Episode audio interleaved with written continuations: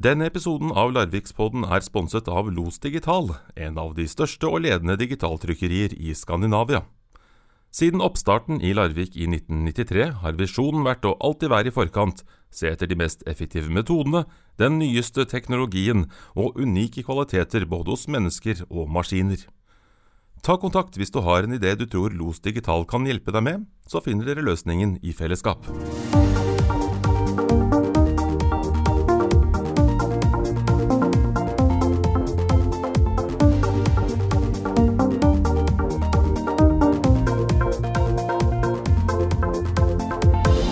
Mer enn halve oktober har passert, og vi nærmer oss slutten av uh, uke 42. Jeg heter Tormod Ugelstad og ønsker med dette uh, helhjertet velkommen til episode åtte av Larvikspodden. Og verdenshistoriens andre innspilling av Larvikspodden live her på Sanden scene i Bølgen kulturhus. Og bare én ting aller først. Dette med live det, det, handler bare om at vi spiller det inn her foran dere i publikum. Det går ikke ut direkte noe sted her og nå. Men dere kan høre det opptak i morgen tidlig hvis dere abonnerer på podkasten. I dag skal vi snakke om uh, utenforskap i uh, Larvik. Og hvis det er noen som har uh, spørsmål underveis, så kan dere spare på det helt til slutten. Vi åpner for spørsmål mot slutten hvis det er noen som har det. Men det gjelder ikke deg, Kjetil Wold. Ja, takk. Velkommen, fast bysynser og besserwisser. Hjertelig takk. Uh, utenforskap, Kjetil, er det, er det noe du har uh, følt på noen gang? Ja, jeg tror vel de fleste har det. Uh, minst én gang i løpet av livet sitt. for et par år siden, så, eller mer enn et par, men så ble jeg arbeidsledig. Og det er jo en, i seg sjøl en utenforskap. Uh, det er ikke det verdens verste sted å være arbeidsledig i Norge, men, men, sånn økonomisk. Men vi har jo en del identitet knytta til jobben vår òg. Ja. Og det er veldig vanlig å starte en samtale med 'hva jobber du med?' og sånn. Og det, det føles jo litt ubehagelig. Det førte til at jeg begynte å kutte ut en del sosiale ting for å slippe, for å, slippe å svare at 'nei, jeg jobber ikke'. Så begynner å, når du begynner å dette ut utafor sånn, så etter hvert så mangler det sosial trening. på en måte. Ja. Så går det en litt sånn ond spiral for dårlig selvtillit. Og sånn. Og da eh, Heldigvis fikk jeg jobb etter hvert igjen, og da må man jo være på innsida. Ja. Men eh, det er jo en av mange måter som, mange, som, helt sikkert mange kan kjenne seg igjen i, tror jeg. Ja, jeg tror de fleste har følt på å være eh, utenfor i ulike sammenhenger en eller annen gang. Eh, det er ikke bare du og jeg som skal sitte her og pludre, Kjetil. Eh, så vi begynner med en gang med å ønske velkommen Mariann Eriksen, Cecilie Werde og Tonje Nordli.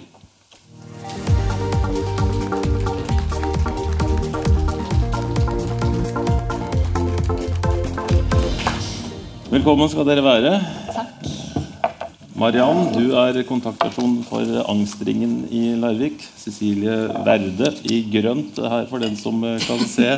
Eh, du er av mange kjent som en av ildsjelene bak eh, arrangementet Julaften i Larvik. Og til daglig er du leder av Verket her i Larvik. Så er det deg, Tonje Nordli. Du er miljøterapeut ved Tor Heyerdahl videregående skole. Da har jeg eh, plassert riktig tittel og navn på alle sammen, tror jeg. Aller først, eh, Cecilie. En av grunnene til at vi valgte det temaet uh, utenforskap uh, i dag, er at vi så at det skulle være en minikonferanse her på Bølgen i dag. den hadde tittelen 'Livsmestring i fellesskap'. og konferansen ble arrangert i forbindelse med verdensdagen for psykisk helse 10.10. Hvordan gikk det i dag? Det gikk kjempebra. Over all forventning, egentlig. Det var fire foredragsholdere som setter fokus på det temaet da, på forskjellige måter. Så jeg tror eh, alle i den salen hadde et foredrag som traff dem veldig. For vi er jo forskjellige. Så det var viktig at de som står på scenen og snakker, da, er forskjellige også. Og det var fullt hus? Fullt hus. Det var 120 på venteliste. det er ganske stas, faktisk, at en konferanse om psykisk helse har venteliste. i største salen i Larvik. da. Hva tenker du det er et tegn på? Nei, jeg tenker at det er eh, større åpenhet. Det er mer om det i media. Eh, og så er det vel det temaet som engasjerer oss. Alle er kjent på det. Kjenner noen. Ja. Så det er et viktig tema. Eh, hos oss så tenkte vi altså at vi skulle snakke litt om eh, utenforskap, eh, som vi har nevnt allerede. Eh, eh, kanskje du kan si noe om hva er det egentlig, utenforskap? Man kan jo si at det er egentlig det motsatte av det å være en del av et fellesskap. da. Man er, at man opplever at man er en del av et fellesskap. Når man ikke er det, så er man en del av utenforskapet. Så man kan oppleve det individuelt, at jeg som enkeltperson da, kan oppleve det, eller at man som gruppe opplever det. Og så kan det være veldig sånn egenfølt, eller sånn at man kan føle seg utafor selv når man er ute i det sosiale. Så kan man føle seg liksom ikke en del av det sosiale man er i. Eller så kan det være litt mer sånn på samfunnssystemnivå. da. Så det er jo veldig sånn komplekst, egentlig. Og stort. Men kan du si noe om hva som uh, uh, kjennetegner eller noen som er utenfor? Det er f.eks. hvis man er utafor arbeid, da, sånn som ble nevnt her. Eller i, hvis man er, er, en, har, er, fattig, ikke har så mye økonomi. Eh, vet jo om barn som ikke tar opp invitasjonen til bursdagsfesten for de vet at foreldrene har ikke råd til å kjøpe bursdagsgave. Det er, kan være eldre, det kan være flyktninger, det, hvis du er syk, ufør ja, Det kan egentlig ramme alle i alle aldersgrupper og livssituasjoner. egentlig. Mm. Tonje Nordli, du er som jeg sa, miljøterapeut på Tor Heyerdahl eh, videregående skole. Eh, hvordan eh, arter utenforskap seg blant ungdom på videregående? Jeg tenker nok at det er mye av det samme som Cecilie sier her. Uh, det er jo en subjektiv følelse. Uh, hvordan man føler på utenforskap. Men uh, det er jo klart at på en institusjon som vi er, som har 95% av alle ungdommer plassert under et tak, så ville det vært naivt av oss å tenke at det ikke er det. Vi vet jo om store grupper hvor det føles utenforskapet er tydelig. Eh, vi vet eh, av store undersøkelser som Ungdata og elevundersøkelser at elever kjenner på det. Om ikke akkurat ordet utenforskap, så er det andre parametere vi kan måle det på. Så vi ser det jo. Um, og det er lettere å se for oss uh, de som går alene, de som blir sittende igjen i klasserommet, de som gjemmer seg på biblioteket, eller um, kommer alltid først inn i klasserommet fordi de har ikke noen å gå sammen med. eller De syns litt mer enn de som er ensomme eller de som føler utenforskap i en gruppe. Eh, det ser vi ikke like lett av. Nei, for Man kan være del av en gruppe, og på videregående så er jo alle del av gruppen sånn, per definisjon. på en måte. Eh, men likevel eh, ikke føle seg som en del av den. At ja, det vil jeg tro. Det er jo litt av tilbakemeldingen man får òg. At man er en del av en gruppe, men, men man kjenner seg ikke igjen i samme interesser. Men man har ikke så mange å spille på, så derfor er man med. Um, eller at man har en f.eks. en psykisk lidelse eller, som gjør at de andre ikke vet og ikke forstår og ikke ser. Som, som man gjør at man føler seg utenfor. Så det er det ikke noe tvil om at man kan føle seg utenfor i en gruppe. Hvordan starter det? det mange starter kanskje utenforskapet sitt på, si, eh, på, eh, i skolen eller i skolealder. Mm. Jeg, altså jeg tenker Det er mange parametere. Eh, når vi snakker om utenforskap i forhold til voksenalder, så er det jo de sårbare gruppene eh, som det snakkes om, som du nevnte på.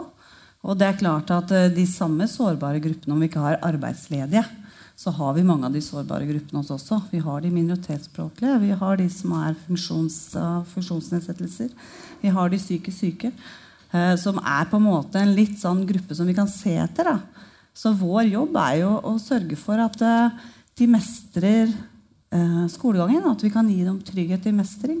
At vi kan gi dem livsmestring og takle disse følelsene de står i. Eh, at vi kan hjelpe til på mange områder som gjør at de takler livet. Tenker du, Cecilie? På, på verket som du jo er til daglig, så så er det vel først og fremst personer som har havna utafor arbeidslivet på en eller annen måte. Mm, og der Halvparten av de har en ufør og er på en måte avklart, som vi sier. da, Men da har man jo heller ikke noen rettigheter i forhold til noe oppfølging eller noe tiltaksapparat. eller noe sånt, Så står man jo faktisk helt aleine.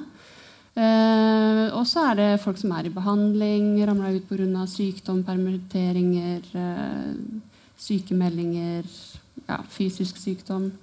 Så det er så mange grunner. Da, og det kan være kanskje bare en sånn liten ting som starter det, og så blir det sånn som det ble skrevet her tidligere. Da, at det, akkurat den tingen i seg sjøl er kanskje greit nok, men så kommer man seg ikke helt ut av det. Da, og så blir det den der onde sirkelen. Og det går ganske fort. Det tar bare et par-tre uker. det. Så har du ikke lyst til å gå på butikken. Hvis jeg er sykemeldt, kan jeg gå på kafé da og smile, f.eks. Og le, eller blir det liksom, Har jeg ikke lov til det nå? Altså det, det, har litt med liksom de sosiale rammene vi har, og normene, og hva som er ok å gjøre og ikke ok å gjøre. Eh, passer jeg inn i det? Og jo snevrere det er, da, jo fortere faller jeg utafor. Så det er liksom opp til hvordan vi møter hverandre da. Hvor snevert er det her i Larvik? da? Hva tåler vi her, og hva godtar vi her, og hva syns vi er helt ok? Ja, hvor snevert er her i Larvik? Mm? Ja, hvor snevert er Det her i Larvik? Det tror jeg er veldig forskjellig. Åssen ja. folk opplever det. Men eh, du kan helt sikkert finne noen som syns det er fryktelig snevert.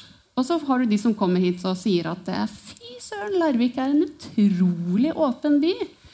De hilste på meg når jeg gikk på torget. liksom. Folk jeg ikke kjenner egentlig. Noen sier jo det, og andre sier at det er en utrolig lokka by. Men å gå på torget Larvik det er litt som at man går i skogen. ikke sant? Det er så sjelden man treffer folk. så når man først gjør det, så er det, må man nesten si hei, eller så blir det litt skummelt. Det er kjempehyggelig når man først møter noen. eller man, ja. Hmm. Men på, på, på, videregående, altså i den aldersgruppen, så er det jo kanskje enda snevrere hva som er eh, Det er noen sosiale normer eh, som gjelder, altså. Det er et par. Men eh, der er vel kanskje vi voksne mer utafor enn, enn det de ungdommene er. Men det er klart det er en overgang. Altså Når man har gått en liksom, trygg fase de første ti åra på skolen, så kommer man på en veldig veldig stor stue, som uh, Tor Heyerdahl er. Det er klart at det er en overgang. Og så blir man splitta som gjeng, da, som gruppe. Flokken blir splitta. Og da, hvis man ikke finner en ny flokk eller knytter seg til uh, enkelte andre, så, så, kan det være en veldig ensom stor stue. Altså. Mm. Jeg tror det er forskjell på en, en voksen som plutselig opplever å være utenfor, enn et barn? Altså, det er så åpenbart forskjell, men, altså, men tror du det får ulike konsekvenser? Da? Det kommer litt an på hva de har rundt seg ellers. Mm. Eh, hvis du i tillegg jeg, jeg, tenker jo på at jeg er glad jeg ikke har vært At jeg ikke er ungdom nå, da. For eh, hvis man har det vanskelig på skolen nå, så har man jo det kanskje alle de sosiale mediene man tar liksom med seg igjen. Eh, og det fortsetter der, liksom på telefonen og utover natta. Og, altså Man får på en måte allerede den der pausen. Uh, men uh, ja, nei, jeg vet ikke om det er noe forskjell på hva slags alder man er i. Det er vel mer på hvordan man opplever det, og alvorsgraden. Helt uavhengig av alder, egentlig. Vi skal over til deg, Mariann Eriksen. Uh, du er kontaktperson for Angstringen i Larvik. Uh, aller først, hva, forklare, hva er angstringen? Mm. Angstringen det er eh, lederløse samtalegrupper. Det er ofte mellom fem og åtte personer som deltar. Uh, det er to personer som setter i gang gruppa ca. fire ganger for å på en måte lære litt bort hvordan det skal fungere. Da. Det går mye på her og nå-prinsipp, ikke å se så mye på, på fortid. Og trene seg på å snakke sammen og møtes en gang i uka, da. Mm. Mm. Og det er jo ikke tilfeldig at du er engasjert i eh, angstringen. Nei. Eh, du har uh, selv angst? Ja. Det har jeg hatt eh, siden slutten av barneskolen. tror jeg. Mm. Sosial angst og prestasjonsangst. Hvordan, hvordan er det? ja, det er jo til tider veldig vanskelig. Um, det er litt vanskelig å forholde seg til andre mennesker. Det er litt sånn litt skam rundt det, egentlig. Og, og veldig ensomt. Mm. Mm. Vi snakka sammen litt uh, for en ukes tid siden. Mm. Uh, da fortalte du vel at du, du hadde levd nærmest uh, isolert, eller ikke gått ut på mange år. Ja, Det er jo enkelte ting man bare må ut på, men, eh, men eh, det koster jo en del energi. Men det var en sju-åtte år som jeg var veldig lite ute. Ja. Mm. Hva tenker du om, om det nå? For nå er, sitter, du, sitter du her på en scene og, og Jeg vil jo tro at du er friskere nå enn du var da. Hva tenker du om alle de årene som på en måte forsvant på et vis? Eh, Det er jo veldig trist da, at ikke jeg kom i gang med jobben litt før. Men Mm. jeg var kanskje ikke klar for det. Hvordan vil du beskrive situasjonen din i dag? Mm, Det er eh, veldig mye bedre etter mange års jobbing. Jeg har fått mye hjelp i psykiatri og angstringer bl.a. Mm. Mm, frivillig jobbing og trene meg på å være sammen med mennesker. Mm. Og hvor lenge har du jobba med det? på en måte? Eh, ja Tre år, kanskje. Mm. Mm. Så hvordan, hvordan starta det eh, for deg? Når merket du at du hadde problemer? At problemene var eh, virkelige, da, eller altså store? Ja, rundt eh, 20 år, tror jeg. Ja. Mm. Det er litt sånn eh, litt eh, tåkelagt alle de åra, men, Ja. men sånn cirka. Mm. Og når merka de rundt deg at du hadde problemer? Eh, Det har ikke blitt snakka så mye om, så det er jeg ikke helt sikker på. Mm. Det er, eh, har vært veldig viktig for meg å, å skjule utfordringene mine. Prøve Mm. å fungere normalt på utsida. Så du var opptatt av at eh, de rundt deg slett ikke skulle skjønne Mm. at du hadde det vanskelig? Ble du flink til det? Det mener jeg at jeg blei.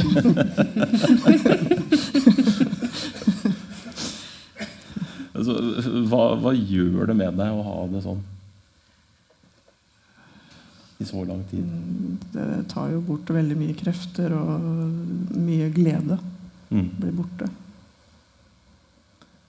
Det blir veldig mye planlegging av hverdagen for å, å klare å holde fasaden. Ja, for å skjule, fortsette å skjule, på en måte. Hva kunne du, hva kunne du gjøre for å, for å skjule? Hva kunne du, Altså, taktikker hadde du? det var vel å holde meg hjemme de dagene jeg ikke kunne klare å holde maska. Ja, Mm. Så, men eh, du, man tenkte vel mat innimellom? Man måtte i butikken. Mm. Men da Når man har noen andre i huset, så Ja. går det an å få litt hjelp til det. Men det er en veldig dum utvei. Mm. Det er viktig å gjøre det sjøl. Hva bør man gjøre hvis man sitter med, med sånne problemer? Det er jo veldig viktig å søke hjelp. da, Gå til lege og, og, og være veldig ærlig. For det, det er ikke så lett å få hjelp hvis ikke du forteller akkurat hvordan det er. Det koster veldig mye å faktisk gå så ned i dybden, men det, det er nødvendig. Mm. Mm. Hva, tenker du at eh, andre rundt deg, eller rundt en med angstproblemer, eh, kan og bør gjøre? Er motivere til å, å søke hjelp. Det, det er ikke alltid at en innser det sjøl i tid, eller altså, tidlig nok. Da. Hva kan man gjøre for å øh, altså, Hvis noen hadde oppdaga eller satt fingeren på problemet, kanskje, øh, øh, sju år tidligere, da, Mm. så hadde man kanskje kommet raskere ut av det. Mm. Eh, hva kan andre gjøre altså, hvis de tenker at, at de ser at noen har et, et sånn type problem? Mm. Hva kan, hva kan jeg gjøre, da? Hvis jeg kjenner noen som jeg ser eh, Jeg lurer på om han sliter litt nå. Hva burde jeg gjøre? Eh, Jeg tror liksom stå på og være litt bastant. eh, Ikke bare kanskje antyde å søke hjelp, men virkelig pushe på, eventuelt ta med til lege. For det Jeg syns ikke det var så veldig lett å, å være åpen på det at jeg trengte hjelp, så jeg hadde kanskje trengt noen som dytta meg litt. Mm. Kanskje ja, ikke være for snill, på en måte. Mm. Mm. Hva tror du, Cecilie, på, på, på verket som øh, jeg forstår Mariann du øh, ble dytta til, ikke sant? Jeg fikk litt hjelp til å Ja. begynne på verket, ja, men Er det, er det, er det mange som blir dytta? Ja. Ja.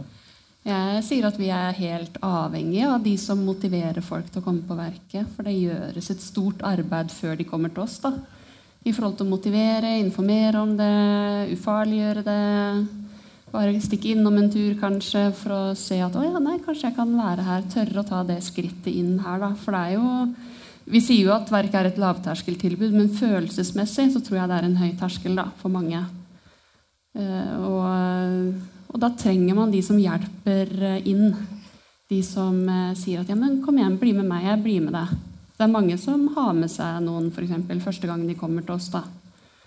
Så det er kjempeviktig at vi engasjerer oss i hverandres liv, rett og slett. Og pusher litt på og er tydelige. Mm. Men samtidig omsorgsfulle, da. At man, vil, at man får en følelse at man vil hverandre vel. For det var vel det du også opplevde, at når du først fikk hjelp, så var det også noen som ville deg vel, liksom. Mm. Hadde du vært eh, flink nok til å si fra til eh, noen som sliter, Kjetil? Eh, nei. Jeg, det, eller det vet jeg at jeg ikke har vært eh, Ja. med folk som, jeg, som har fått hjelp eh, etter hvert. Men det har ikke vært min, min fortjeneste, selv om jeg i ettertid ser at jeg kanskje burde sagt fra tydeligere og ikke bare, ikke bare spurt om, det er, om alt er greit. For det er veldig lett å svare ja på det. Er det, tror du, Mariann, at, eh, at det var noen som eh, så problemene, men som eh, tenkte at, at dette her, det orket ikke jeg å gå inn i? Ja, jeg tror nok det. Jeg tror nok de har sett det på meg, men det er jo vanskelig å, å åpne opp og begynne på en sånn samtale. Ja. Mm. Hva, hva, hva er den beste måten å åpne en sånn samtale på? Hva skal man, hva skal man spørre om?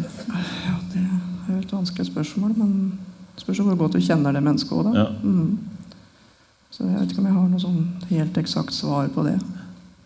Hva, har du, altså, kan du si noen, har du noen konkrete ting som du har gjort, som gjør at eh, eh, altså For noen år siden så ble du sittende inne i, i dagevis på en måte, og ikke eh, orka å gå ut av huset. Eh, nå sitter du her, eh, og det er, er mennesker foran deg, og vi- vi har en helt normal og fin samtale. Hva har du gjort konkret for å komme så langt? Eh, For en del år siden så ble jeg med i en sånn angsttreningsgruppe som Larvik kommune hadde. Og da var vi på kjøpesenter, og vi gikk på kafé og spiste. Alle sånne ting var en veldig stor utfordring for både meg og de andre. Trena på forskjellige ting. Eh, Så jeg starta vel der. Og så har jeg blitt med på litt sånn frivillig arbeid. Og trena meg på å være sammen med mennesker der. da. Så Røde Kors og Frivilligsentralen. Så er jeg da med på aktiviteter på Verket. Uh, Frisklivssentralen, trene der. Trening er veldig bra for å holde angsten unna. Det var det jo mennesker som prøvde å få meg i gang med for mange år siden, men det er litt vanskelig når du er ganske langt nede. Mm. Men, det, men det er veldig virkningsfullt. Så, føler du at du nå er eh, mer eh, en del av den store gruppen vi da, enn Mm. det du var nå? Mm. Det var tidligere. Så det, det er lurt å søke hjelp. Jeg har jo hatt uh, samtaler med et menneske på utsida av psykiatrien de siste to åra som har insistert på at jeg skal åpne meg og vise hvem jeg er, for det har vært veldig vanskelig. Men det, det har ført til et helt nytt liv, og, Mm. og at jeg gleder meg over livet. Det er ikke så dumt. Nei. Eh, Du skal ha Tusen takk for at du ville komme hit og fortelle om din historie. Mm. Syns du Mariann kan få en applaus?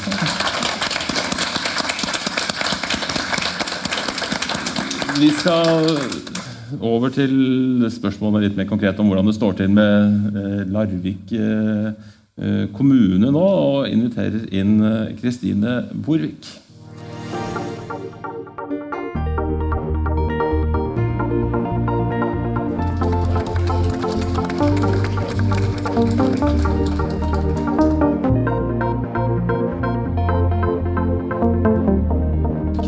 Du er eh, rådgiver for eh, prioriterte samfunnsutfordringer i Larvik. Og du har jobba med dette temaet i eh, Larvik kommune. Og kan du si litt om hva, hva har du gjort? Hva har du jobba med? Hva jeg har gjort og hva jeg har jobba med. Ehm, begynte i jobben i februar eh, og tenkte at vi må få en oversikt over hva er det Larvik har å tilby, før vi finner ut hva for noe annet vi skal gjøre. Rådmannen eh, skrev i strategidokumentet at en av de største utfordringene for en ny kommune er å fastlegge en strategi for å motvirke utenforskap eller sikre innenforskap. Så da var det reisen rundt, snakke med folk som eh, jobber i kommunen. Begynte internt først. Og det var en fantastisk reise hvor eh, en møter eh, tjenester og brennende engasjerte fagfolk som brenner for temaet, og som gjør alt de kan, og mer enn det jobben er, forventer av dem, til å bistå mennesker i Larvik til å mestre livene sine og bli værende i samfunnet. Er det mulig å si noe om hvor mange som er utenfor i Larvik? Nei. Tallmessig og, og, og um, definisjonen av utenforskap eller opplevelsen av utenforskap er jo så subjektiv. Men vi, vi, kjenner jo til risikofaktorene for å øke sannsynligheten for å komme i utenforskap. Og det er? Det er um, fattigdom. En uh, betydelig um, medvirkende årsak til å muligens falle utenfor. Um, psykiske helseproblemer ensomhet, eh, manglende eh, integrering, omsorgssvikt. Eh, det å falle utenfor arbeidslivet er jo typisk sånne ting som gjør deg i en sårbar situasjon. Mm. Det er jo mange forskjellige former for utenforskap, som du, du sier. Mm. Er det også forskjell på, altså avhengig av hvor man bor i Larvik kommune? Det har jeg ikke kartlagt sånn, men øh, Det vil jeg egentlig ikke si noe om. Det er jo miljøene og det nabolaget de tilhører, og de områdene de tilhører, som er en del av samfunnet ditt også. Så men det, men, det du, men det, du, har sett på, eh, mer konkret, er jo hvilke tilbud eh, Larvik eh, har mm -hmm. til eh, personer som på en eller annen måte er i et utenforskap. Mm. Hva, hva, har Larvik å by på? Hva har Larvik å by på? Og det var det jeg skulle begynne å kartlegge og si, Så kom jeg ut og så sendte jeg ut spørreskjemaer før jeg kom. Og så var det ja, hva har vi å tilby? Hva gjør dere i skole? Hva gjør dere i barnehage? Psykisk helse? Hva gjør dere for å motvirke utenforskap? Erfaringa er jo at uh, hver dør jeg kom inn, så sier de at det er jobben vår. Det er hele jobben vår. Det er helt umulig å plukke ut tiltak. Skole, som skole sier, det viktigste vi gjør for å motvirke utenforskap, er å sikre at barn uh, lærer å lese og skrive. Det er en kjempeviktig uh, faktor som hindrer utenforskap. Og når du kommer til å besøke barnevernet, så sier de at det er jobben vår hver eneste dag, er å hindre utenforskap. Det samme er psykisk helse og avhengighet, som er en virksomhet i, i kommunen. Altså det er All den jobben de gjør, er for å motvirke uh, utenforskap og bistå mennesker til å håndtere livet sitt. Um, så vi ser at vi har veldig, veldig mange tiltak og muligheter. Uh, men samtidig så har vi også utfordringer til å få de til å henge godt sammen. Og gjøre de godt kjent for innbyggerne. Eh, og der har vi også en vei å gå. Eh, og vi skal bli bedre på det å gjøre det godt synlig og oversiktlig hva jeg som nabokjerring eller eh, kamerater og venner, hva kan vi bistå med, og hvor skal folk henvende seg? Ja, for Hvor finner man tilbudene? Altså, hva, det, hva gjør man? Ja, da er det jo å gjøre henvendelsen til kommunen. Ja, opplever, kommunen, ja, kommunen. Ja, jeg opplever at vi har et utrolig godt servicetorg. Ja. Så 33 17 10 00, der har de fantastisk kompetanse eh, på det som eh, Larvik har å tilby. Um, og med håp om at man blir veileda videre der. Og en ser jo, um, Jeg prøvde å liksom hente inn litt tall til i dag. og da eh, når jeg snakka med de på psykisk helse og avhengighet, så hadde de første halvår hatt de, mm, lavterskel, altså det at du kan søke eller komme for å, eh, når livet butter, eh, eh, komme og få kjappe avklaringer, samtaler som, på, på, problemer som du utfordres der og da. Og de hadde hatt 300, over 370 eh, henvisninger eller oppstartssamtaler med personer. Så det ligger jo an til 700 samtaler med personer som utfordres i livet. Eh, som viser et ganske stort volum. Ja, det er ganske mange. Det er mange. Ehm, og vi ser at eh, vi har ehm, rundt 1300 barn som lever i lavinntektsfamilier. Ehm, det er 15% som lever i lavinntektsfamilier som har altså 60% av nasjonal median. Eh, som gjør at man opplever en betydelig manglende eh, økonomi. En stram, stram økonomi. Det Men det betyr ikke nødvendigvis at man er Behøver ikke å være i utenforskap av den grunn. og det er derfor Man kan si at man kan ikke si noe mm. om. fordi at man kan både være ufør og ha dårlig økonomi eh, og streve psykisk, og ikke oppleve utenforskap i det hele tatt. Mm. Sånn at det er, Og man kan ha masse penger og man kan ha mange muligheter i livet og likevel oppleve at man er utafor.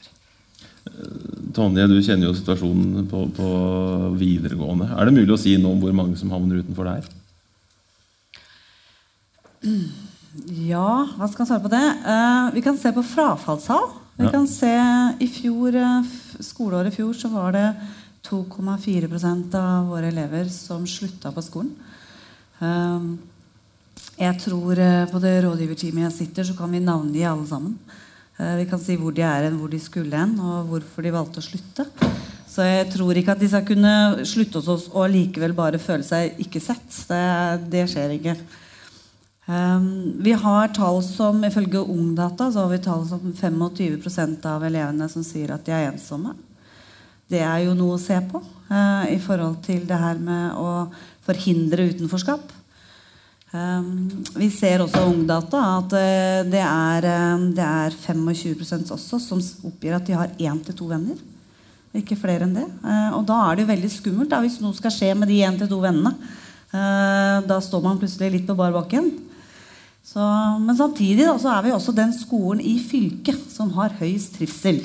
Så jeg vil bare ha det sagt når vi snakker om dette temaet. De som fortsatt er på skolen, eller? Ja, selvfølgelig. Vi snakker sånn type 92% av alle elevene syns at eh, Tor Eirdal er en fin skole å gå på. Hva med de som har sluttet, da? Hva tror du de tenker? At, vi vet jo ikke hvem som har svart. Det er jo anonyme, anonymt. Mm. Men ja. når, eh, altså, når, er, når, er, når er utenfor Når blir det et problem? Altså for hvis uh, mine, mine tenår var sånn noenlunde som uh, alle andres, så har man jo perioder hvor man føler seg utafor som en del av det å, å, å, vokse opp. Og man liksom Litt sånn ja, følsomme berg-og-dal-baner og sånn. Så en del, en, del, av det er vel en del av en normal prosess. Men åssen skal man fange altså Når er det man vet at det er en usunn Eh, at det har gått så langt at det har blitt usunt. Det er før man slutter på skolen. Som sagt så er det en subjektiv opplevelse. Det må jeg liksom slå fast. Men jeg tenker at når det her blir en hindring i livet ditt, altså du begynner å isolere deg og takke nei takk til ting, eh, eller at eh, du har større fravær på skolen, du ser at resultatene synker, motivasjonen for skole, motivasjonen for å være sammen med venner synker, så bør det være ganske klare parametere på at nå er det et problem. Mm. Uh, nå har jo vi også flere, inkludert meg selv, som har psykisk helse i forhold til samtaler og oppfølging, i forhold til sånn som angst og Uten å bruke diagnosene. Vi diagnoserer dem jo ikke. Men hvis man har symptomer hvor man isolerer seg og, og trekker seg unna fra skoleting også, så er vi jo på. Det er klart at Relasjonsbasert ledelse, at læreren ser deg, oppmuntrer deg, får fram det beste i deg. Eh, er jo også med på å holde deg på skolen. da. Er jo også forebyggende tiltak. Jeg vet ikke om jeg svarte på spørsmålet ditt? Eh, jo. Ja. du, jeg tenkte litt på det, de tallene fra, fra Ungdata, for de så jeg også på uh, tidligere i dag. Eh, hvor det er 22 eller 25 uh, som, som sier at de er altså rett og slett mye plaga av ensomhet. Mm. Og det er altså hver femte eller hver fjerde eh, ungdom som er plaga, mye plaga av ensomhet. Og på Tor Heyerdahl for eksempel, så er det snakk om nesten 400 mm. unge mennesker. Mm. Så man kan tenke litt på Det er 400 unge mennesker på Tor Heyerdahl som er mye plaga av ensomhet. Men jeg tenker jo på det i forhold til det spørsmålet du stiller. Da, når begynner å bli et problem? Eh, hvis man kjenner på den ensomheten og tenker at det er bare jeg som føler det sånn, mm. så, og, og, at du ønsker at det skulle vært annerledes Eller er du en som liker å være litt for deg sjøl? Det, det, er stor forskjell på. Men også det der at hvis vi begynner å prate om det da, som en, sånn som du sier, som en naturlig følelse Ja, vi kjenner på det innimellom. Det var et tema på den konferansen i dag. Vi kjenner på disse dårlige følelsene. Vi har det dårlige perioder. Men hvis ikke jeg kan si noe om det, det er ikke noe rom for å bli møtt på det, det blir bare sånn Nei, men du kan ikke tenke sånn, da får du bare skjerpe deg. Men du har det jo så bra. Altså Hvis det blir bagatellisert, du blir ikke hørt på det, det blir ikke tatt på alvor. Uten at det nødvendigvis skal være at, du, at dette er kjempealvorlig, men det er alvorlig nok. da. Det er nok til at det er viktig å prate om det. I hvert fall. Og hvis du prater om det så, og blir møtt på det, så blir det kanskje ikke ille. Da Da går man kanskje ikke ned i den der onde sirkelen. Eh, hvor man føler seg kanskje helt aleine om det, kan ikke sette ord på det. Men mange av de som jo er plaga av ensomhet, de har jo heller ikke noen å snakke med. Nei, og da er det litt sånn opp til oss ikke sant? som samfunn. da, For samfunnet består jo av deg og meg. Så hvis noen begynner å prate om det, så tror jeg flere begynner å prate om det. Alt Det som, det har jeg i hvert fall opplevd eh, Eh, en gang, Det er noe helt annet, men jeg tror det er smittsomt. da, Men en gang ble jeg så sinna at jeg knakk armen, og så tenkte jeg skal jeg snakke om det? Eh, for det er litt skamfullt, egentlig. Nå, nå jeg bare, du ble, du ble så sinna at du Skal jeg si at jeg har gått på ski? Eh, nei, jeg var så sint at jeg gjorde sånn, og det burde du ikke gjøre. faktisk. Jeg anbefaler ikke. Du kan risikere å knekke armen. Og, og, da, det som skjedde da, var at andre begynte å prate om at ja, men jeg var så sint en gang at jeg slo inn en skapdør. Altså, men det er sånn man ikke prater om. Jeg tror det gjelder de fleste temaer. Da, sånn som ensomhet, som disse her vonde følelsene. da, at Hvis vi bare begynner å prate litt mer om det, eh, så er det utrolig, og det smitter, altså, og hvor bra det er for oss. Nå har, eh, har vi sånt opplegg på Tor Heyerdahl på alle VG1-elevene som kommer. Så er jeg ute i alle klassene og snakker om ensomhet. Vi snakker om det som en av de største enkeltfaktorene for frafall, faktisk, eh, inn på landsbasis, eh, er, er ensomhet. Og vi snakker om livsmestring som kommer inn i fagplanene. Altså hvordan stå i livet og stå i de vanskelige følelsene som livet faktisk er. Det kommer jo også inn og er en av de fire punktene i strategisk plan for Vestfold fylkeskommune. Altså videregående skoler. Sånn at det, det, her kommer jo mer og mer inn. Um, og vi snakker også om når jeg er ute med VG1-elevene, om hvor lett det er å bli ensom. Hvor lett det er å bli på en måte utestengt. Da. Nå er det et annet begrep enn det å være uh, som vi snakket om tidligere i dag. Men, men det går så fort i den sosiale medier, i den verden barna våre lever i, som, som vi for så vidt lever i, vi òg. Men vi er jo ikke på samme nivå som de i det hele tatt. Uh, men, og der, der, er ikke vi voksne med. Uh, hvor fort dette skjer. Da. Ja, Hvor fort kan det skje? Nei, det kan være Hvis vi tar utgangspunkt i de her 25 da, som sier de har to venner, og så har du vokst opp med disse to vennene dine i, Eller kanskje dere har vært ti venner for den saks skyld, opp gjennom hele livet og spilt håndball sammen og hatt det veldig gøy. Og så har dere, altså De snakker jo veldig lite face to face. Alt går jo via grupper. om det er på Snap eller Messenger eller hvor de er. Og så plutselig så svarer de deg ikke lenger på gruppa di. Du legger ut et spørsmål når er det vi skal levere engelskleksa. Det er ingen som svarer. Da skjønner du veldig fort som ungdom at da har de beveget seg inn i andre grupper. Da har flokken splitta opp. Og da fra det tidspunktet der så får du ikke mer svar veldig ofte. Og da har du plutselig, da er du helt på bar bakke.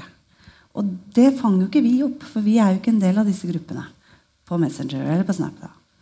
Sånn at det skjer veldig fort. Eh, jeg har lyst til å ta opp en ting til, og det er jo det her med russefeiring. Mm. Nå hadde jeg ikke tenkt å bruke veldig mye tid på det, men det, det er et Det gjør russen, så kan det ja. Men det er litt viktig, for det, det, berører så himla mange mennesker. Altså, Noen planlegger jo allerede russetida i slutten av tiende og absolutt i VG1. Eh, langt ifra alle. Det er en gruppe mennesker. Men er man f.eks. fenomenet russebuss eh, Er du ikke med i den, du er samme guttegjengen på 17 stykker, så er du enten fordi ikke mamma og pappa sier nei, eller du ikke vil, eller ikke du får lov. Fra det øyeblikket så er ikke du en av de 17 som du har vært. Du spiller fotball med dem tre dager i uka for deg. Men på skolen så henger du ikke sammen. For hvert eneste friminutt er bussmøte. Og det skjer i tre år. Hvert eneste vorspiel når du begynner å feste, er bussvors. Så du blir ikke invitert på festene, og du får ikke lov til å være sammen med de i friminuttene. Og dette her berører da, Hvis du tenker tre busser, da, alle 30 stykker, så er det 120 mennesker.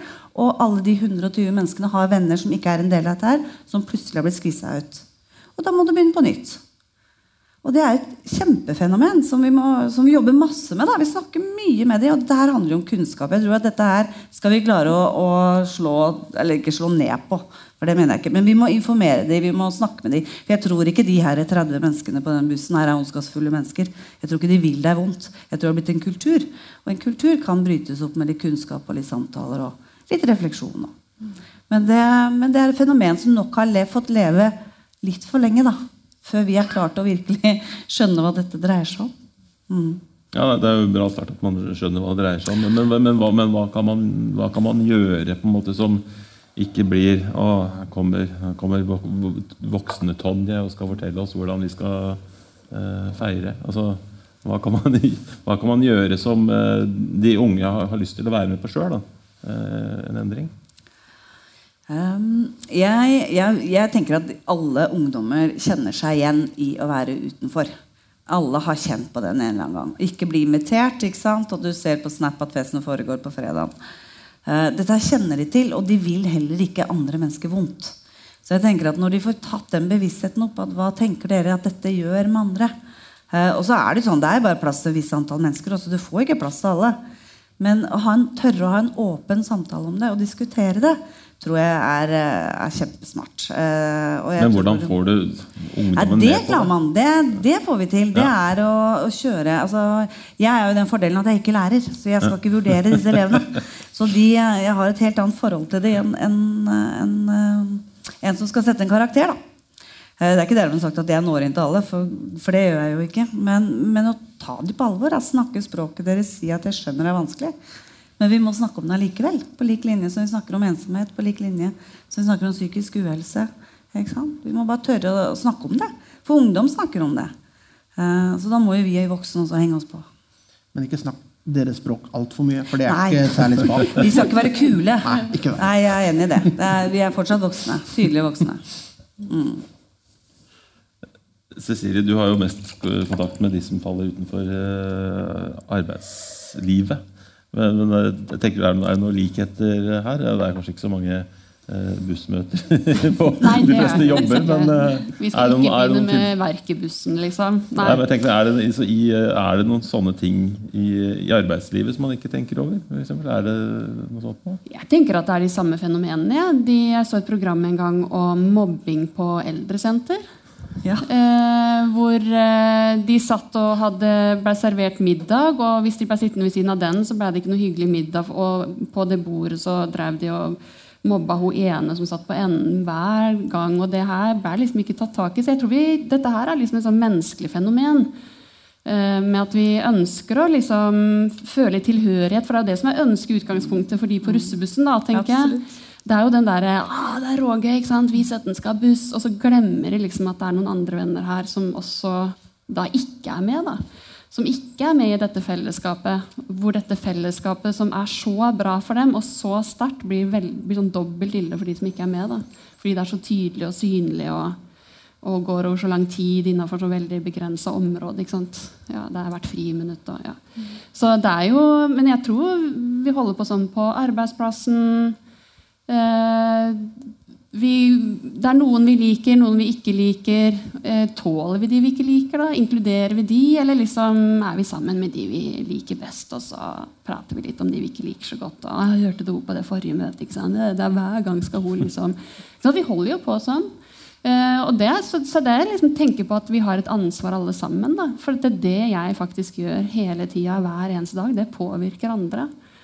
Eh, og jo snevrere jeg liksom lager mine fellesskap, da, jo færre blir jo inkludert i det. Eh, hva tror du det betyr eh, for folk som havner utenfor, å ha et sted å gå til som verket, som andre tiltak kommunen har? Tilbakemeldingen fra de som trives på verket. For jeg tenker jo verket er jo ikke for alle. For det er jo ikke alle som vil trives der. Men for de som trives der, så sier de har vært helt avgjørende for at de lever. Det er det for noen. Eh, for andre så gjør de det for nettverket sitt, for barna sine. Det er jo noen som kommer som egentlig har det ganske greit, er uføre og har, lever gode liv, men de ser at fordi de går hjemme, så drar ikke barna på skolen.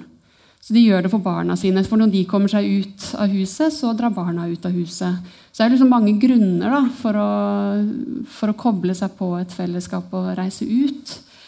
Eh, men eh, at det er viktig for de som er der, er det ikke noe tvil om. En gruppe vi ikke har snakka så mye om spesifikt nå, er jo ulike minoritetsgrupper. F.eks. innvandrere. Som på en måte stiller utenfor fra start. på en måte. Hvordan er situasjonen for denne gruppen? Kristine? Det er jo i kategorien en gruppe mennesker som er potensielt i faresonen for å falle utenfor. Uh, og som Larvik også jobber målretta med. og I kartlegginga mi og i møte med norskskolen og mennesker som jobber spesifikt med dette, så møter jeg jo også der brennende engasjerte mennesker. Fargespill i Larvik, f.eks., hvor ungdom og barn og Flexid-klassen som Larvik har fått litt sånn nasjonal oppmerksomhet for. Gjør, så det gjøres utrolig mye bra. Men det er jo ingen tvil om at også i det området så har vi utfordringer, og vi må jobbe knallhardt fordi at det vil utfordre oss også i framtida. Ja, altså, ofte så, så, blir jo ikke ting tatt tak i fordi det koster penger og ikke er samfunnsøkonomisk lønnsomt. Men det her er jo på en måte et, et, noe som er veldig samfunnsøkonomisk eh, lønnsomt å bruke tid og penger på. For det er folk som eh, Jeg har ikke noe vitenskapelig belegg for å si det, men jeg tror jeg er ganske sikker på at folk som føler seg som en del av samfunnet, eh, har større tilbøyelighet for å gjøre noe positivt for samfunnet. Hvis du føler deg utafor samfunnet, så det er nok enklere å tagge ned skolen din, som jeg gjorde i tenåra. Hvis du ikke føler deg som en del av av det store fellesskapet. Mm. Og det er jo der en ser at de kommunale tiltakene og de tiltakene Frivilligheten i Larvik er jo formidabel. Det er jo utrolig masse gode tilbud eh, der også. Men det å slå et slag for eh, det å være innbygger i Larvik altså Larvik eh, blir det innbyggerne i Larvik gjør det til. Det hjelper ikke om kommunen eller de på rådhuset lager de feiende, flotte eh, tiltakene alene, for dette her er noe vi må løse sammen. Um, og det å påminne seg sjøl med altså, dette her både med raushet og det med inkludering i en travel hverdag, så er man jo litt litt sånn nok med seg og sitt. Og når man kommer på foreldremøte, så sier en hei til de menneskene man alltid ser. og det var godt, åh, det? Så detter man ned. Og så glemmer man kanskje den der kikke rundt seg, ha den radaren oppe på å si at den som en, en klarer, Hvis en tenker seg om, så ser en hvem som begynner å skli litt unna. Hvem foreldre er det som kommer mindre og mindre? Hvem er aldri på stranda med ungene sine? Og det å ha den radaren oppe og få med de, for det er ikke noe mer enn litt sånn der, Vil du være med, eller skal jeg ta med deg? Vil du sitte på til foreldremøte? Altså, Vi kan gjøre utrolig mye som innbyggere. Og jeg tror at Klarer vi å aktivere det i Larvik, så vil det gjøre stor forskjell og mye mer enn et og annet eh, kommunalt tiltak. Så den der, eh, Å være bevisst det er jo som podder eller som Verdensdagen for psykisk helse. altså Det at vi snakker mer om det og påminner oss sjøl at vi kan faktisk gjøre en enorm forskjell i bare å være den vi er. Der snakker ikke om å drive masse dugnad eller gjøre ting, men det å være litt bevisst i hverdagen på å være inkluderende. Mm. Vi skal snakke litt mer om uh, hva som uh, kan gjøres, og hva som kanskje kan gjøres bedre om litt. Men aller først så skal jeg be deg om å vike plassen, Kristine Borvik. For vi ønsker velkommen opp Vibeke Ravndal.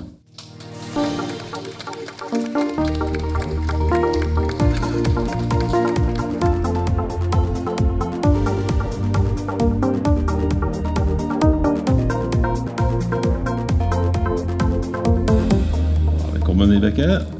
Som nevnt uh, innledningsvis så var en av grunnene til at vi valgte dette temaet i dag, uh, at uh, det ble, var en minikonferanse på Bølgen. men den andre grunnen er at det på søndag er TV-aksjon. som du tydelig utbasunerer med T-skjorta di. du er fylkesaksjonsleder for TV-aksjonen i Vestfold. Eh, og i år går eh, pengene til Kirkens Bymisjon. Kan du si litt mer om hva som er målet med årets aksjon? Ja. Årets aksjon det, det, handler om det dere har snakka om til nå. Det handler om uh, utenforskap. Og det handler om å få flere inn i fellesskapet. Midlene fra TV-aksjonen skal jo gå til helt konkrete tiltak. Det skal etableres tiltak som generasjonsmøter, hvor eh, eldre, ensomme eh, kobles sammen med unge, enslige flyktninger. Som heller ikke De, ja, de kommer alene og har, har ingen. Eh, de kobles sammen. Det er eh, snakk om å etablere konkrete møteplasser da, eh, for folk som er utafor. Si TV-aksjonen handler jo ikke bare om innsamling, det handler jo om gode holdninger. At vi snakker om ting. Jeg vil bare si, Kristine vil bare si det du sa, jeg. det var så fint. ja. Det er en, en, holdningskampanje, og det handler om hvordan samfunn vi, vi egentlig ønsker å ha. Og jeg vil også si at TV-aksjonen det er en, det er en bøsseaksjon. Eh, og vi sier at Enten skal du gå med bøsse, eller så skal du, det er noen som ringer på, den, ringer på døra di. Eh, og det er, ikke, det er ikke alle dører som blir ringt ned også. Jeg gikk med bøsse i Larvik i fjor, og det var, det var en liten sånn vekker. Det er masse ensomme folk der ute som ikke har verken venner eller familie. eller noen ting. Og når du ringer på den døra og de sier åh, deg har jeg venta på, så utrolig hyggelig at du kom, kom, inn, skal vi telle kronestykkene på norgesklasse sammen? Så blir vi sittende der lenge og prate. Og det er litt av TV-aksjonen. Du Som, som fylkesaksjonsleder så har du antageligvis fått en, eh, en slags oversikt eh, over de ulike kommunene i, i, i Vestfold. Eh, Ser du noen tydelige forskjeller? forskjell? Er det noen steder man er mer opptatt av uh, TV-aksjon og denne tematikken enn andre steder? Mm. Ja, nå I dag da, er det jo bare få dager igjen til TV-aksjonen, så nå er jeg veldig veldig opptatt av antall bøssebærere. Mm. Jeg kan si at I Tønsberg så er det i mål med antall bøssebærere. Hvor mange er det? Nærmere 500. Det er 470 ca. Eh, I Larvik så mangler vi eh, mellom 130 og 150 bøssebærere.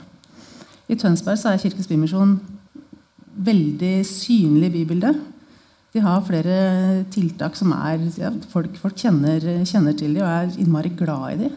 Og der mobiliseres noe helt voldsomt. Altså. Det er kjempeengasjement. Um, ja. Du har jo nå jobba med årets aksjon siden uh, april. Uh, hva, hva, hva, har du lært i løpet av den tida? Ja, hva har jeg lært? Man, i, hvert fall, I forhold til Kirkens Bymisjon så kobler man det ofte opp mot uh, rusproblematikk. Men, og det er jo veldig synlig.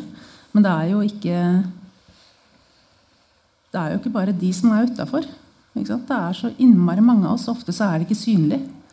Kan ikke se på folk at de nødvendigvis er ensomme. Enten så holder de seg unna, det ser du i hvert fall ikke. Eller du, er du lavinntektsfamilie, det, det syns ikke.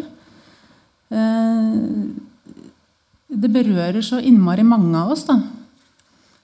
Eh, jeg har bare lyst til å, Den der um, plakaten og den der boka som jeg egentlig går rundt med hele tida Jeg kan ikke huske sist noen sa navnet mitt. Det er jo bare helt å begynne å grine. Tenk på det er så mange folk rundt som ikke har har ingen. Eh, nei, jeg syns det er helt eh, rått at det, er, at det faktisk er sånn det er. Eh, og Um, var det du som kanskje hadde tallene, Kristine? Uh, sier at én av ti barnefamilier i Norge er definert som fattige.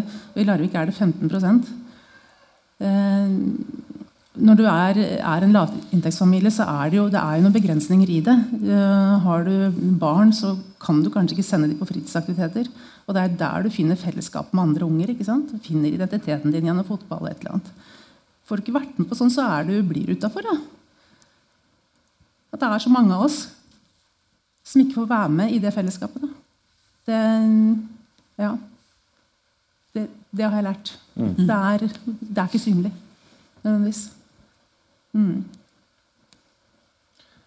Hva skal få lov til å komme med litt, en liten oppfordring? Eh, du var inne på det. Det er ikke nok bøssebær. Det er ikke nok bøssebær i Larvik. Det er kjempeenkelt. Blime.no. Klikk på 'bli bøssebær', registrer deg. Og så er det fra klokka fire til klokka seks. Mm. Innmari hyggelig. Vi sier det er, det er eh, årets viktigste søndagstur. Så man tar med seg unger. Når man går rundt og ringer på de dørene, så kan man snakke litt om tematikken. Så får man litt gode holdninger underveis. Og det er mye å gjøre for en eh, fylkesaksjonsleder, har jeg skjønt på deg. Du, du så sliten ut da du kom, hvis det, er, hvis det er lov å si. Ja.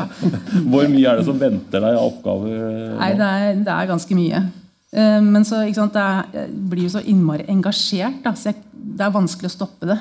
Så jeg, nå jobber jeg bare helt til det er uh, ferdig. Og så er det mandag så er det litt sånn opptelling og hvordan, hvordan gikk det egentlig. Og så Da kan jeg slappe av litt. Men ikke før det. For det er vanvittig morsomt og fryktelig engasjerende å være med på. Og veldig, veldig viktig. Lykke til. Tusen, tusen takk. Du skal bare få lov til å bli sittende. Vi- vi- Sånn, vi går mot, eh, mot slutten nå. Eh, Men eh, eh, kan alle sammen bare melde seg på hvis de har innspill. Eh, Når det gjelder utenforskap i Larvik, eh, hva kan vi gjøre bedre? Du stikker fram hodet. Vær så god. Eh, Det å skape sammen og gjøre ting synlig. For det gjøres, altså På min reise så har jeg opplevd at det er et hav av tilbud og muligheter for ungdom og voksne. og det er mye, Men vi må gjøre det synlig og få det til å henge sammen. Eh, Så det å lage en plattform sammen med frivilligheten For jeg tror at dette er overhodet ikke noe oppgave kommunen løser alene, men vi må jobbe sammen. Og få en felles arena som gjør det enkelt for folk å finne ut hva, hvilke muligheter er det for meg og mine og nabobarn og voksne til å delta på aktiviteter i Larvik. Så der kan vi bli bedre, og det skal vi.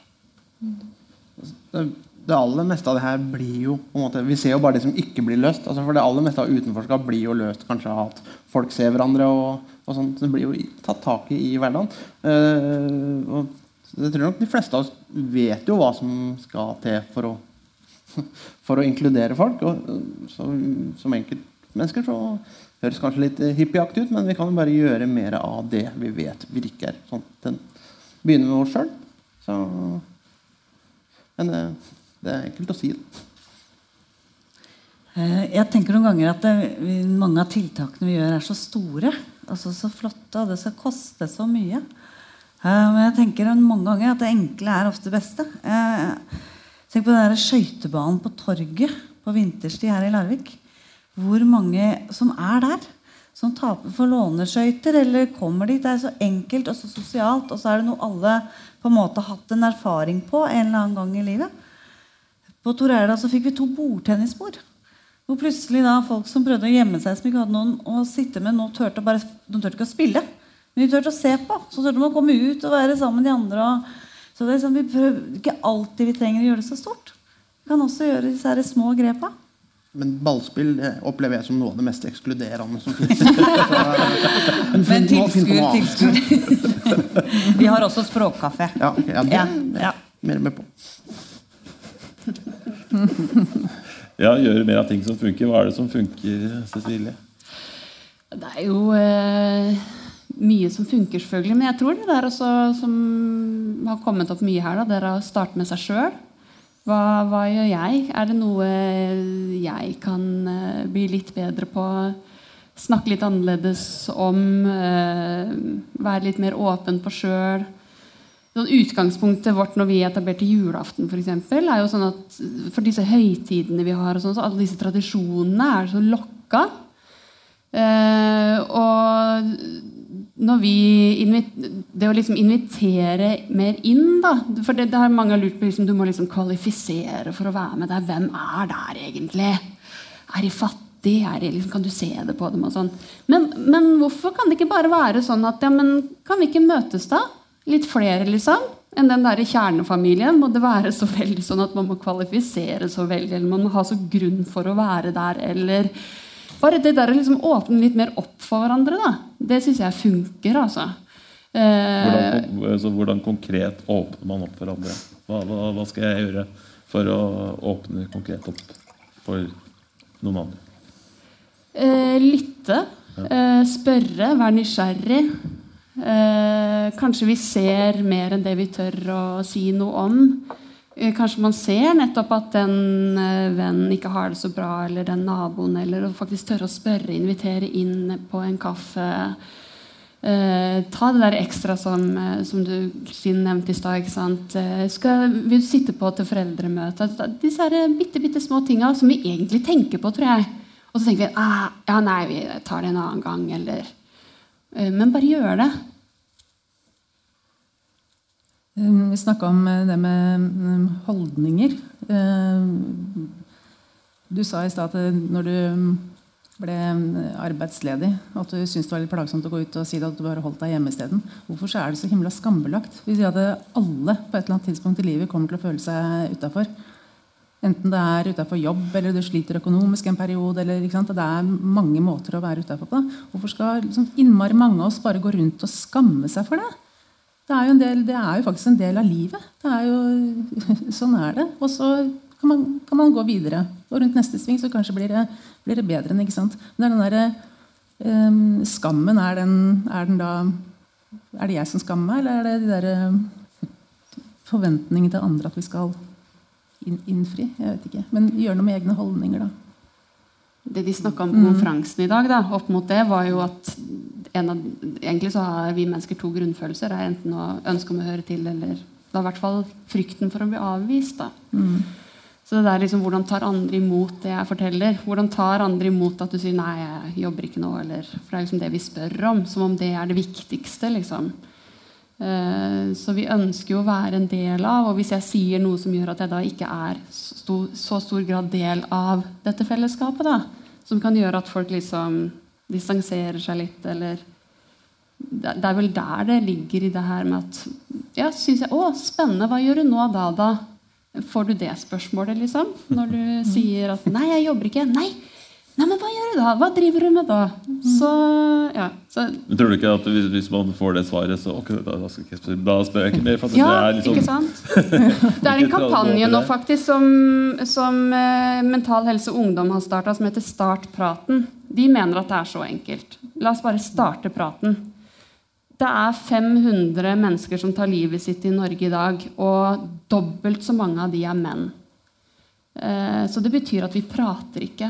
Eh, Men det er kvinnene som blir diagnostisert da, for angst og psykiske lidelser. Menn blir ikke diagnostisert, men de er overrepresentert på ganske alvorlig det der å ta livet sitt da, til slutt. Og det betyr at man har jo ikke prata, man har ikke delt. ikke sant? Og, og, og, og bare et raskt eh, kikk opp på scenen her i dag viser jo at det, det, det er eh, det er mange kvinner her som, som, eh, som snakker om, eh, om, om saken. Det er, for det er jo et problem at menn ikke Ja, men Bjørn Erik Helgeland da, sto på scenen i dag, og nå står de i ØP at det er det verste han har gjort. ikke sant? Det er å stå og prate om sin personlige historie. da. Altså han, det syns jeg var så utrolig sterkt å se på han som hvor du ser at det koster han så å stå på scenen der og ikke prate om Abax, men å prate om sin personlige historie. Og det er akkurat det den kampanjen handler om. At dette her er drita vanskelig. Vi stiller oss sårbare, og vi kan risikere å bli avvist, ikke bli tatt imot. Men så utrolig viktig.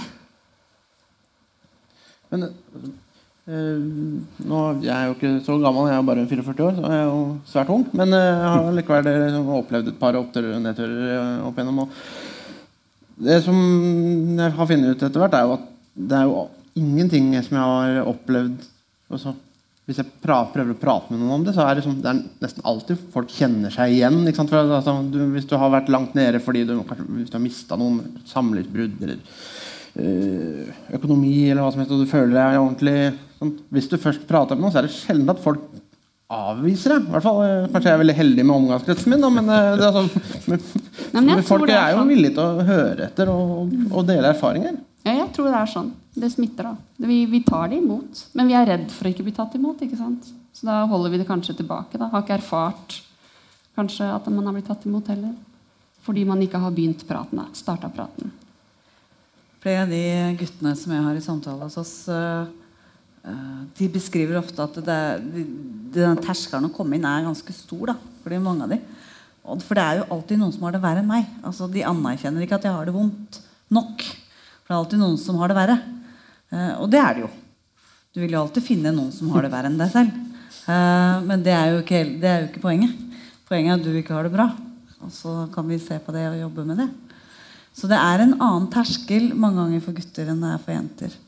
Så psykisk helse må jo også rettes veldig mye mot, mot dere, da, mot deres kjønn. Absolutt. Men der har vel verden gått ganske mye framover eh, de siste åra, håper jeg. Ja. Ja, men de har intervjua seks gutter i Ja. den kampanjen her, og de sier at det, det er eh, fortsatt vanskelig.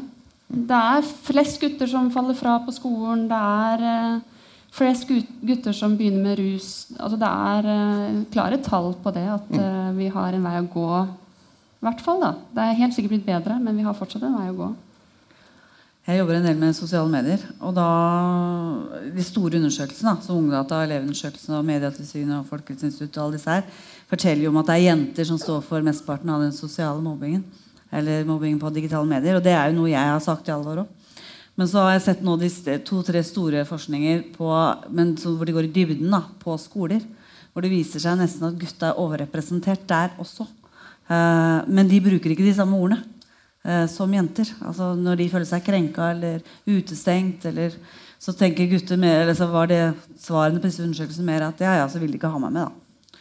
Ok, og så, Det er selvfølgelig subjektivt, der også, men det, er- dere har et annet ordforråd på det enn det mange jenter har. Som gjør at dere ikke blir heller fanga opp der. da. Så vi jentene topper også en statistikk ikke nødvendigvis, og at det nødvendigvis ikke stemmer. Selv på det. Mm, og det, det er jo sånn det er også, I forhold til hvor mange kvinner blir diagnostisert. Da det er overrepresentert. Da tilhører det kvinner på en måte å ha angst og depresjon. Men, uh, men så er det ikke sånn, da, for det er mange skjulte tall. Store skjulte tall. Eh, hvis det er noen eh, der ute i publikum som har eh, et eh, spørsmål eller eh, innspill, så er det, er det mulig å komme med det nå. Det er en, eh, en mikrofon ut ute i salen hvis det er eh, noen som vil eh, rekke en hånd i været for å si noe. Eller så kommer vi til å klippe dette bort, for det blir litt rart hvis ikke det er noen som har sagt noe. til. Men eh, det så ut som det løste seg. Det er fint også om du eh, sier hva du heter, Børk, og sier hele navnet. Ja, takk. Jeg heter Olav Eftedal. Eh, Jeg har bare en liten kommentar å si, og det er gutta, vi må tørre å snakke om selvmord. Rett og slett. Og takk. Det er bare det jeg skulle si. Det var en hånd til eh, der inne, så jeg. Ja, hei. Veldig viktig og fint tema. Jeg har to ting som jeg tenkte på. Det er veldig interessant og fin samtale. Og så tenkte jeg på det dere sa med at vi må begynne med oss sjøl. For jeg tenker at mye handler om fordommer som man må tørre å innrømme at man har overfor andre. ikke sant? Det kan være i lunsjen med kollegaer, det kan være hjemme ved middagsbordet. Det er han jævla naboen eller det er han derre utlendingen oppe i blokka der. Altså, vi må jobbe med oss sjøl på det. For jeg tror det jeg må hva skal jeg si, gjøre at folk blir utafor uten at de får en sjanse til å i hele tatt uh, bli kjent med deg. da. Og så er jeg småbarnsmor, og jeg opplever jo at utaforskap begynner ganske mye tidligere. Dere snakker om videregående og sånn, men jeg tenker jo, ser jo det allerede i barnehagen. Uh, allerede der, I min barnehage så har de en policy på at alle skal bli bedt avdelingsvis i bursdag. Men allerede tidlig i barneskole og så, videre, så kan man se at noen blir bedt, og ikke andre. Som kanskje også har vært utafor fra barnehagealder, og det på en måte bare får vedvare hele skoletida. Da. Så jeg vet ikke om dere har tenkt noe på det altså, i forhold til barn og utaforskap. Ja. Ja, nå er jeg tilbake da på den digitale verden, som jeg befinner meg mye i. Men eh, vi kan se gutter eh, i tiårsalderen som gamer.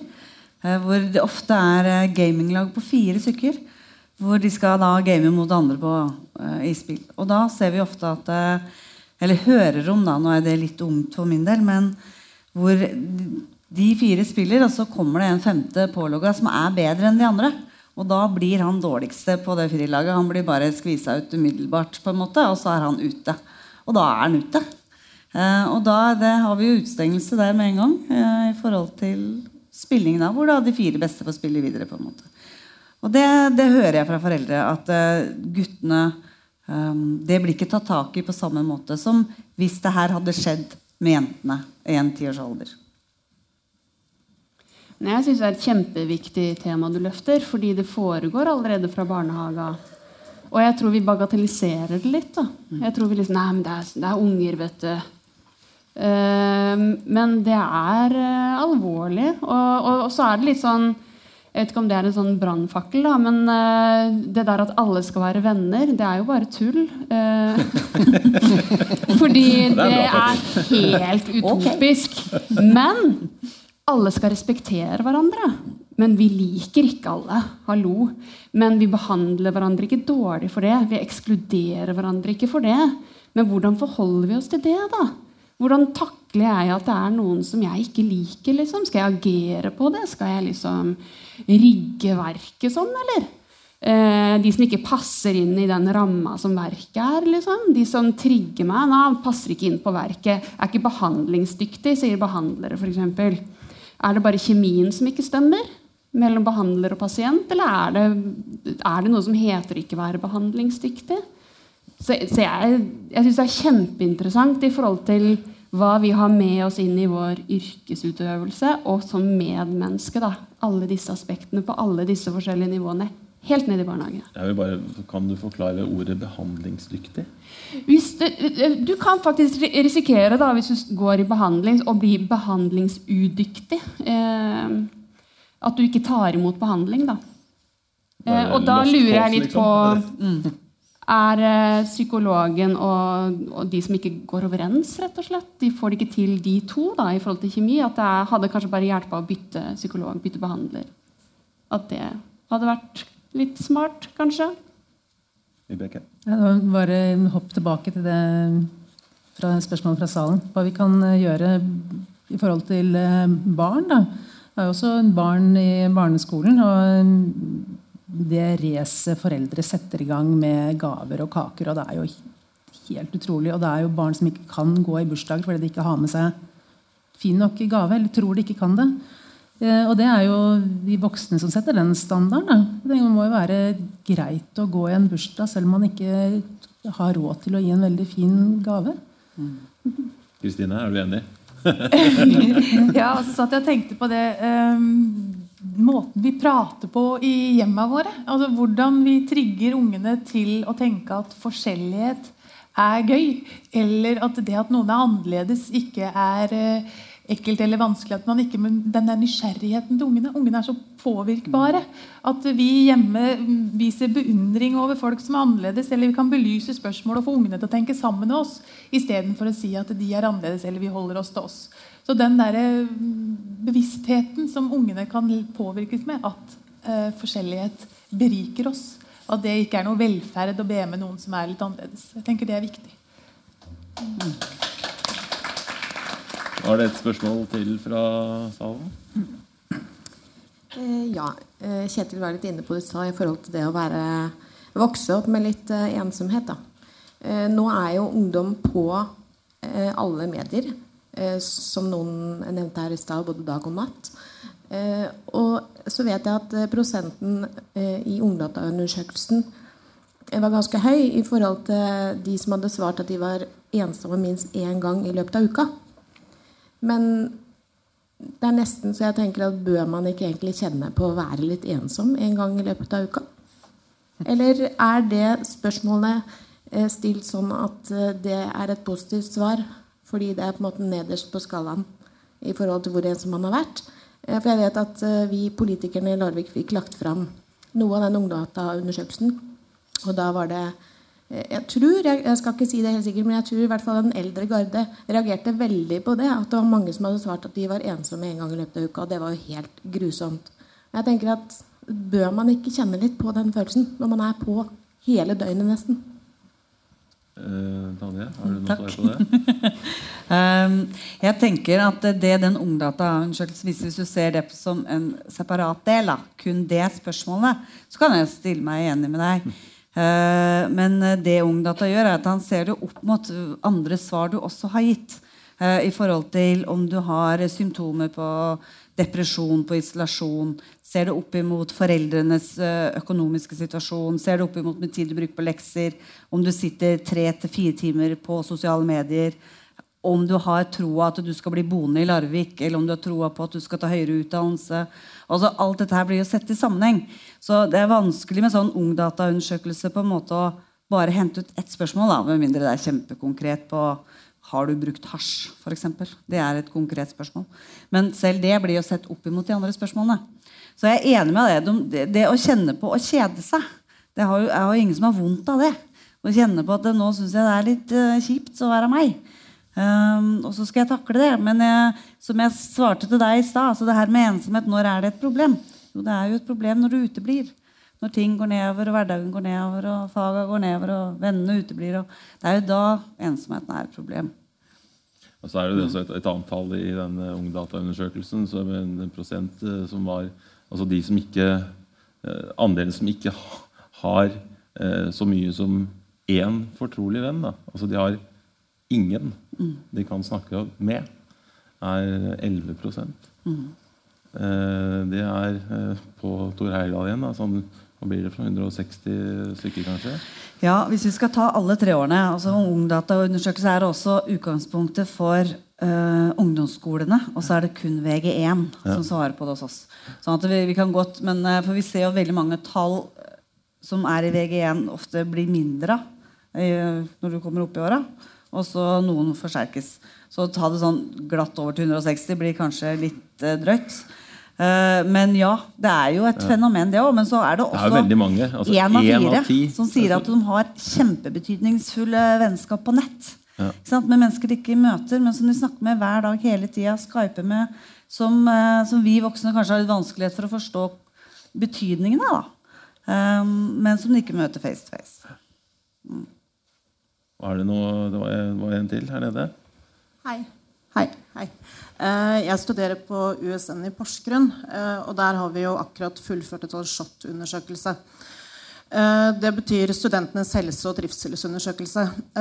Det gjør vi hver fjerde år for å sjekke liksom hvordan den psykiske helsa står til da, på studentene. Der har det nå gått fra at én av tre føler seg ensomme, mens for fire år siden så var det én av fire.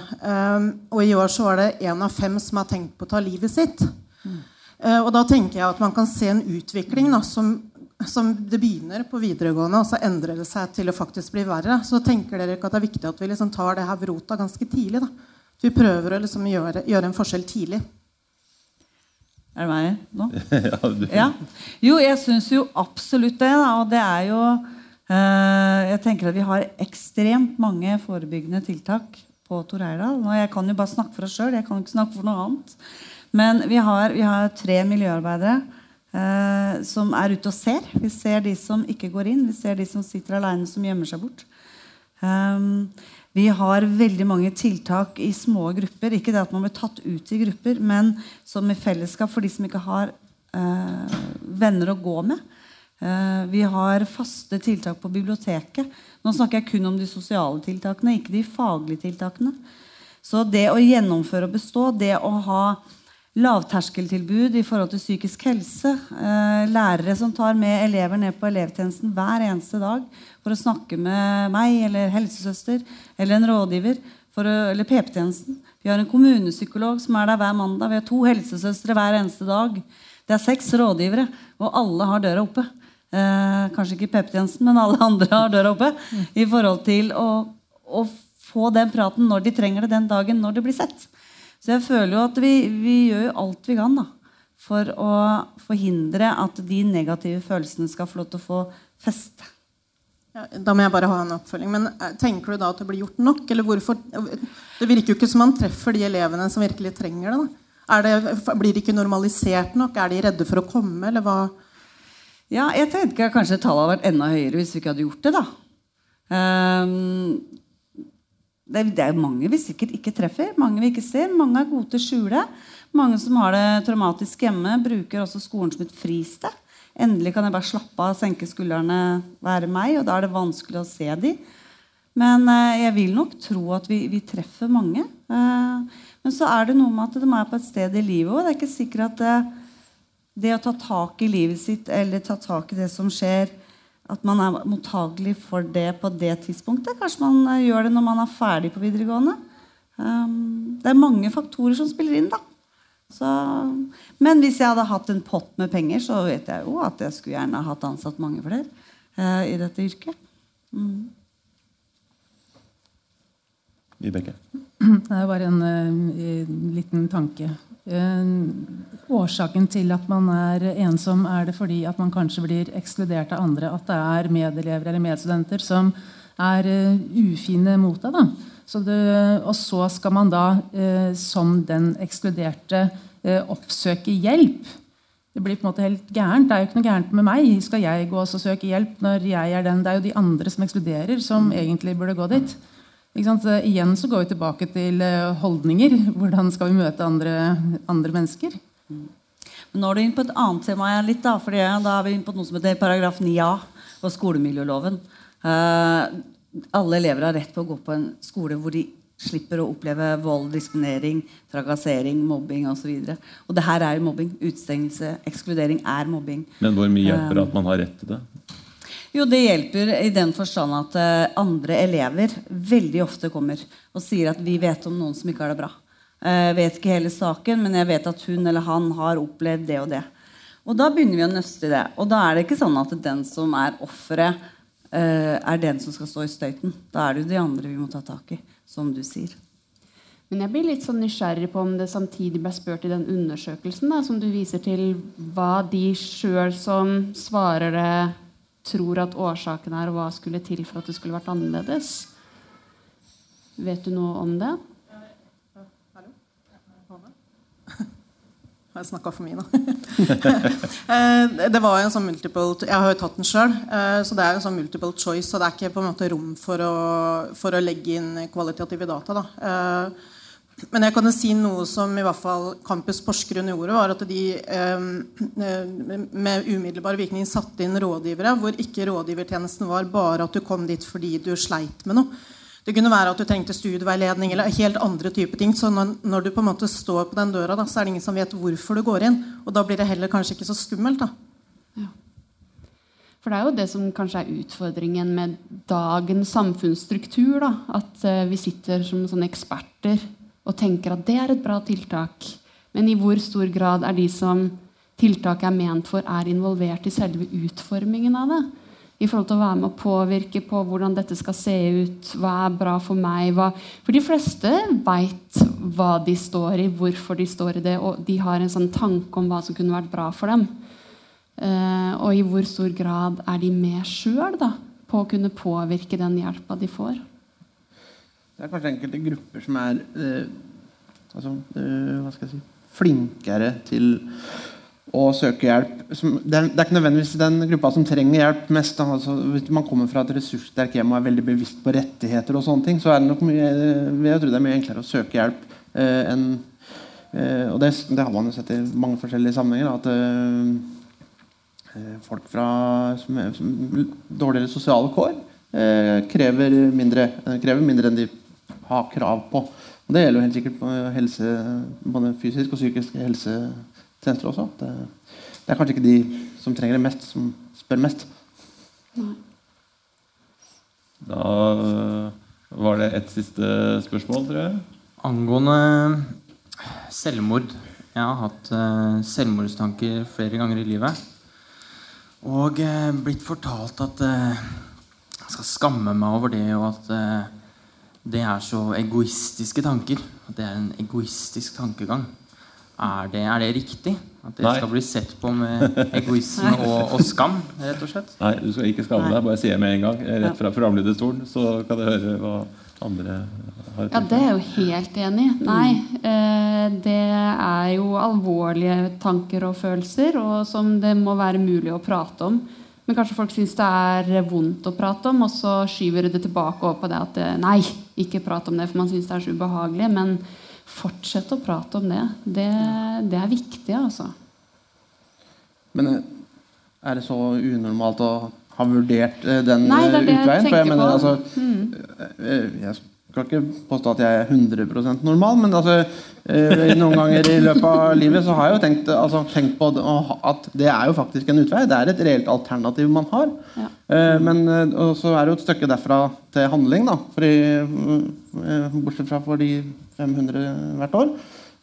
Så så jeg tenker at selvmord, altså selvmordstanker kan jo være veldig mye forskjellig. Alt fra å lure på om er det verdt det, og til å på en måte stå der og Men at man skal skamme seg over å ha dem, tror jeg vi vil være enige om at man ikke skal. Veldig få tanker man skal skamme seg over eh, i det hele tatt. er det ikke det? Det er bare følelser vi har. da. Vi har de. Det, og det er mye rart som fyker gjennom huet i løpet av en dag. Jeg skal ikke dele alle her, for å si det sånn. og det er helt normalt da, å kjenne på alle følelser, tror jeg. Mm. Vi, vi, vi prøver oss på ett spørsmål til. Ja, jeg heter Anders. Jeg, hypotetisk sett, er en ung mann. Jeg har jobb. Jeg er en hypotetisk person. Jeg har jobb, jeg har penger, jeg har venner. Jeg drikker fordi det syns det er gøy. Og jeg kommer ikke til å gå til psykolog. Jeg kommer ikke til å gå på verket, selv om jeg har all respekt for det dere gjør. Jeg kommer ikke til å gå til kontraktorskjønn på jobb, for det er å innrømme at jeg har et problem. Hvor går jeg? Hva med nettverk? for, meg, for meg så er det litt sånn at veldig mange menn Jeg har kjent menn som har tatt livet av seg. Det kommer som lyn fra klar himmel. Mm. Hvor går jeg hvis jeg ikke vil innrømme at jeg har et problem? Hva med fastlegen? Jeg vil ikke det. Det er, at, det er å innrømme at jeg har et problem. Jeg, jeg vil ikke gå til nettverket mitt. Jeg vil ikke gå til familie. Men jeg er en ressurssterk person som er mer enn i stand til å gjøre det siste valget. Mm. Det er lettere for meg. Ja, og- det tenker jeg liksom er et samfunnsproblem. da. Og så må vi løse det lokalt, og vi må løse det individuelt. på en måte, Og tørre kanskje involvere oss mer da, i hverandre, hvis noen rundt ser det. Og gjøre litt sånn som Mariann snakka om da, i, litt tidligere. At, eh, at man blir litt eh, direkte og, og ærlig med hverandre. Og kanskje krever litt mer. da, Og ikke gir seg heller som venn eller som nærmeste. eller Men man må jo til syvende og sist ville det sjøl. Prate.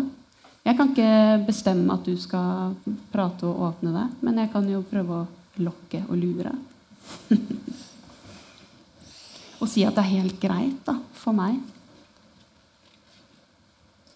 Var det til? Eh, Olav Efdal igjen. Jeg kan egentlig sitte. Jo, eh, jeg vil si at jeg faktisk følte som, som eh, han forklarte. Og det jeg gjorde, var egentlig at jeg startet med en hobby. En helt ny hobby. Jeg starta på et eh, kunstkurs, kan man kalle det, på Slipperiet. Hvor jeg rett og slett eh, Det var en, et vennegjeng som jeg liksom aldri hadde gått i. Ingen kjente hverandre spesielt godt utafor det kurset. Eh, man kunne rett og slett bare få utløp for følelsene sine på uh, et maleri eller det man holdt på med. Og det var sånn, Ingen visste at jeg var der fordi jeg hadde problemer det jeg hadde problemer for. Og det føltes egentlig ganske godt. Men alle sammen kunne se eh, følelsene mine når jeg malte de på, på et lerret eller hva jeg gjorde. Og det var en sånn måte som gjorde at jeg begynte å fokusere på noe annet enn enn de tomme tankene og de tomme følelsene som jeg hadde i den perioden. Og det fungerte utrolig bra, merka jeg etterpå når jeg ser tilbake på det. Øh, Jeg vil si at jeg veldig heldig på en måte at jeg kom på det i det hele tatt. Men øh, det er i hvert fall sånn jeg løste det problemet.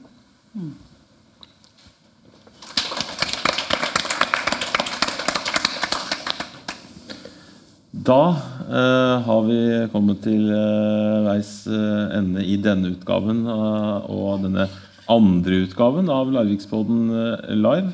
Eh, følg oss på Facebook for å sende oss tips, innspill og tilbakemeldinger. Neste Larvikspodden live er her på Sanden igjen. Eh, Det er torsdag 22. november. Men så blir det en ny episode av eh, den ukentlige Larvikspodden allerede neste uke. Og det som har skjedd her i dag, kan du laste ned fra i morgen tidlig som podkast. Og før dere går herfra, så håper jeg alle åpner opp podkastspilleren sin, søker etter Larvikspodden og trykker på abonner. Så får du neste episode rett i lomma når den kommer en gang utpå natta i natt, tenker jeg. Eh, og nytt i denne uken er også at du kan eh, finne eh, Larvikspodden i Spotify. Takk til eh, denne ukens gjester Cecilie Werde, Tonje Nordli, Mariann Eriksen, Kristine Borvik og Vibeke Ravndal. Takk til deg også, Kjetil, for eh, fin synsing. Eh, ansvarlig for podkasten er Geir Atle Johnsen, og podkasten produseres av Virvel AS. Jeg heter Tormod Ugelstad, og denne episoden av Larvikspodden er sponset av Los Digital.